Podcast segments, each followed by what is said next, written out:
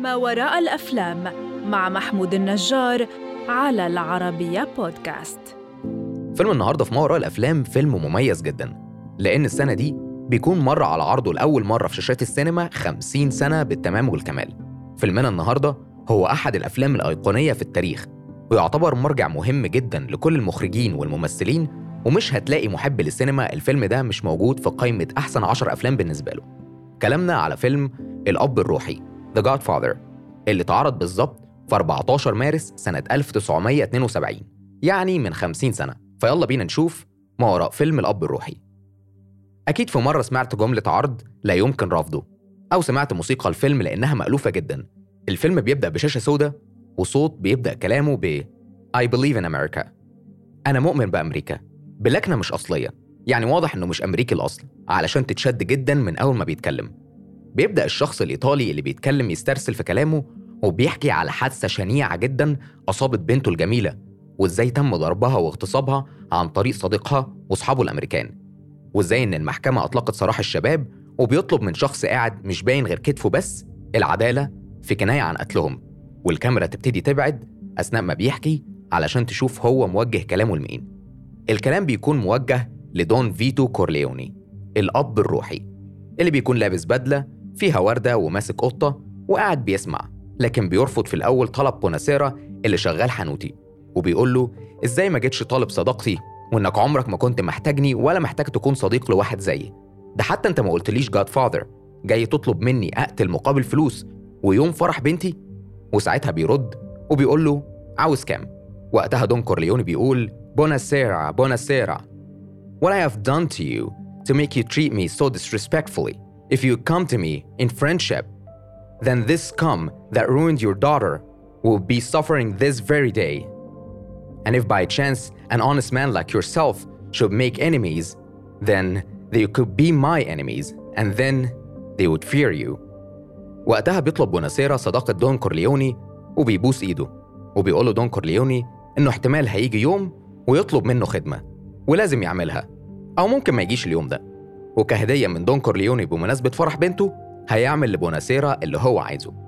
مشهد افتتاحي بيبين قد إيه هيبة دون كورليوني وإزاي إنه راجل تقيل جدا وإن صداقته معناها القوه وخوف الأعداء منه. مشهد الفرح اللي هتشوف فيه عيلة إيطالية طبيعية جدا بترقص وبتغني ولما بيجي وقت الصورة بيقول دون فيتو كورليوني مش هنتصور من غير مايكل. مايكل هو الابن الأصغر لدون كورليوني. مايكل كان ضابط في الجيش وكان ليه مكانة خاصة عن فيتو كورليوني. اللي شخصيته واضح إنها مختلفة جدا عن باقي إخواته خجول وهادي وبيحاول يبعد عن أي نشاط للعيلة الإجرامي علشان كده كان بيقول لصديقته كيت في الفرح إنها عيلتي مش أنا. مشهد الفرح بيعرفنا باقي عيلة دون فيتو كورليوني وهم سوني الابن الأكبر اللي دايما عصبي وكان بيتجهز يكون هو الأب الروحي الجديد. فريدو الأخ الوسطاني اللي كان ضعيف الشخصية جدا وكان دايما بيتم تجنيبه. وتوم هيجن المستشار أو ال consigliere اللي كان ابن فيتو كورليوني بالتبني. بنشوف في الفرح إزاي دون كورليوني بينسحب لعمل صفقات خفية منها صفقة ابنه الروحي جون فونتين الممثل المغني اللي كان نجمه ابتدى يختفي وما بقاش زي زمان.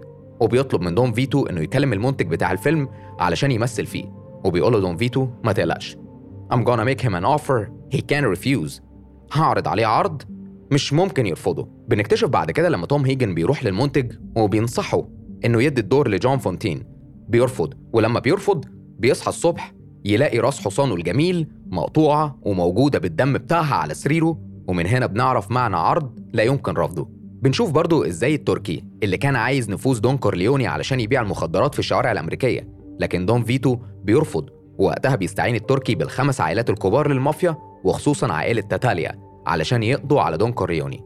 بيتم تدبير حادثة لاغتيال دون فيتو كورليوني وبالفعل بيتم إصابته برصاص لكن مش بيموت.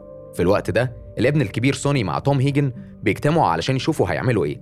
لكن الابن الصغير مايكل بيتحول تحول رهيب من الهدوء والسكوت في أغلب الأحيان وبيقول لهم إننا لازم نتحرك بسرعة. وفي المشهد ده بتشوف قد إيه المخرج مركز جدا مع مايكل حتى في التكوين ووقوف الممثلين إنه يبقى حجر الأساس لتحول مايكل وإزاي هو ذكي وإزاي بيرتب إنه ينتقم من الأشخاص اللي كانوا متورطين في اغتيال أبوه. بعد ما بيقتل مايكل مفتش الشرطة وسولاتسو المسؤولين عن حادثة الاغتيال في مشهد رائع جدا بيتم تهريبه على الصقلية في مدينة كورليوني مسقط رأس أبوه علشان تبدأ حقبة جديدة تانية في حياة مايكل كورليوني. في مشاهد صقلية فرانسيس فورد كوبولا مخرج الفيلم وجوردن ويليس المصور السينمائي استخدموا زوايا التصوير بشكل رائع جدا فبقت المشاهد كلها شبه اللوحات الزيتية المشهورة بها إيطاليا. كمان الموسيقى اللي ألفها نينو روتا اللي فعلا رائعة ولحن لا يمكن تنساه. مشاهد صقلية اكتمل جمالها بمقابلة مايكل لأبولونيا البنت الإيطالية فائقة الجمال اللي حبها مايكل واتجوزها واللي اتقال عنها In Sicily, women are more dangerous than shotguns في صقلية النساء أخطر من البنادق لكن للأسف أبولونيا بتموت في عملية اغتيال كانت مدبرة لمايكل بعد ما بيعرف إن المافيا الإيطالية قتلت أخوه الكبير سوني.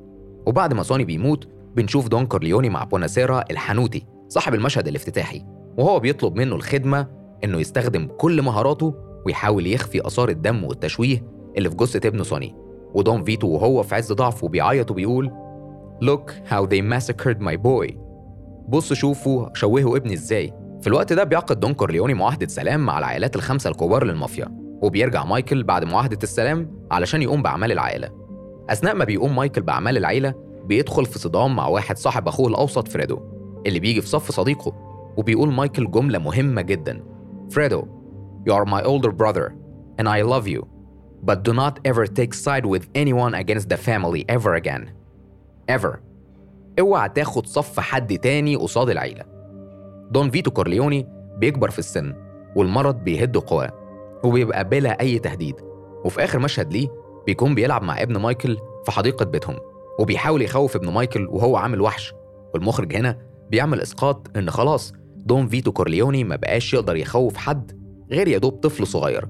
وفي اللحظة دي بيموت دون فيتو كورليوني الأب الروحي وتصبح معاهدة السلام بلا قيمة.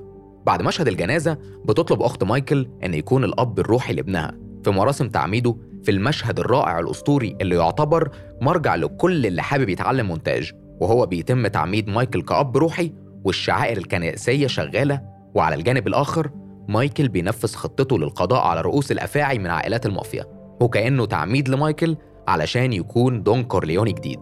فيلم العراب أو الأب الروحي من الأفلام اللي حفرت اسمها في تاريخ السينما بحروف من ألماظ. الفيلم المأخوذ عن رواية بنفس الاسم لماريو بوزو. الفيلم من بطولة مارلون براندو في دور فيتو كورليوني وآل باتشينو في دور مايكل كورليوني. وإخراج فرانسيس فورد كوبولا. الأب الروحي كان فيه شكوك حول نجاحه لأن شركة بارامونت ما كانتش حاطة ميزانية كبيرة للفيلم. كانت حاطة 7 مليون بس والفيلم حقق إيرادات قربت من 300 مليون دولار. اختيار فرانسيس كوبولا لإخراج الفيلم ما كانش اختيارهم الأول وبرضه كان في اعتراض على اختيار مارلون براندو اللي كان نجمه بدأ يختفي. بالإضافة للاعتراض على آل باتشينو كمان تفاصيل مهمة في تصوير الفيلم وهي استخدام الكاميرات الثابتة بشكل كبير جدا يكاد يكون 90% من التصوير بكاميرات ثابتة. وإضاءة غرفة دون كورليوني دايما بيغلب عليها الظلام. المخرج فرانسيس كوبولا كان بيهتم جدا بالتفاصيل بشكل غير اعتيادي. يعني مثلا في المشاهد الأولى في الفيلم بيكون التركيز منصب أكتر على دون كورليوني والإضاءة اللي كانت فوق بتخلي عيونه مش ظاهرة بشكل كبير. ده غير مشاهد شرب الخمور اللي كانت بتتغير من مشهد للتاني على حسب كل مشهد. يعني مثلا في اجتماعات العائلة في الفرح أو الأكل بيكون المشروب النبيذ الأحمر. في الحفلات بيكون نبيذ أبيض. أما في اجتماعات الشغل بيكون مشروب ال Scotch برضه من التفاصيل هو ظهور البرتقان قبل أي عملية قتل أو مذبحة واختلاف ديكور الغرفة من حقبة دون فيتو كورليوني المظلمة لحقبة مايكل المضيئة. فاز الأب الروحي بثلاث جوائز أوسكار أفضل فيلم وأفضل سيناريو وأفضل ممثل لمارلون براندو. تعتبر شخصية دون كورليوني هي الشخصية الوحيدة في تاريخ السينما اللي فاز بالأوسكار. اتنين ممثلين مختلفين عملوها مارلون براندو في الجزء الأول وروبرت دينيرو في الجزء الثاني. مهما أقول لك عن الفيلم مش هينفع أكفيه حقه. ولكن لو ما شفتش الفيلم دلوقتي شوفه وشاركني رأيك. هل فيلم الأب الروحي فعلا في قائمتك كأفضل 10 أفلام شفتها ولا لأ؟ واستناني الحلقة اللي جاية علشان هنحكي فيلم جديد بمنظور مختلف. أنا محمود النجار وكنت معاكم في بودكاست ما وراء الأفلام المقدم العربية بودكاست.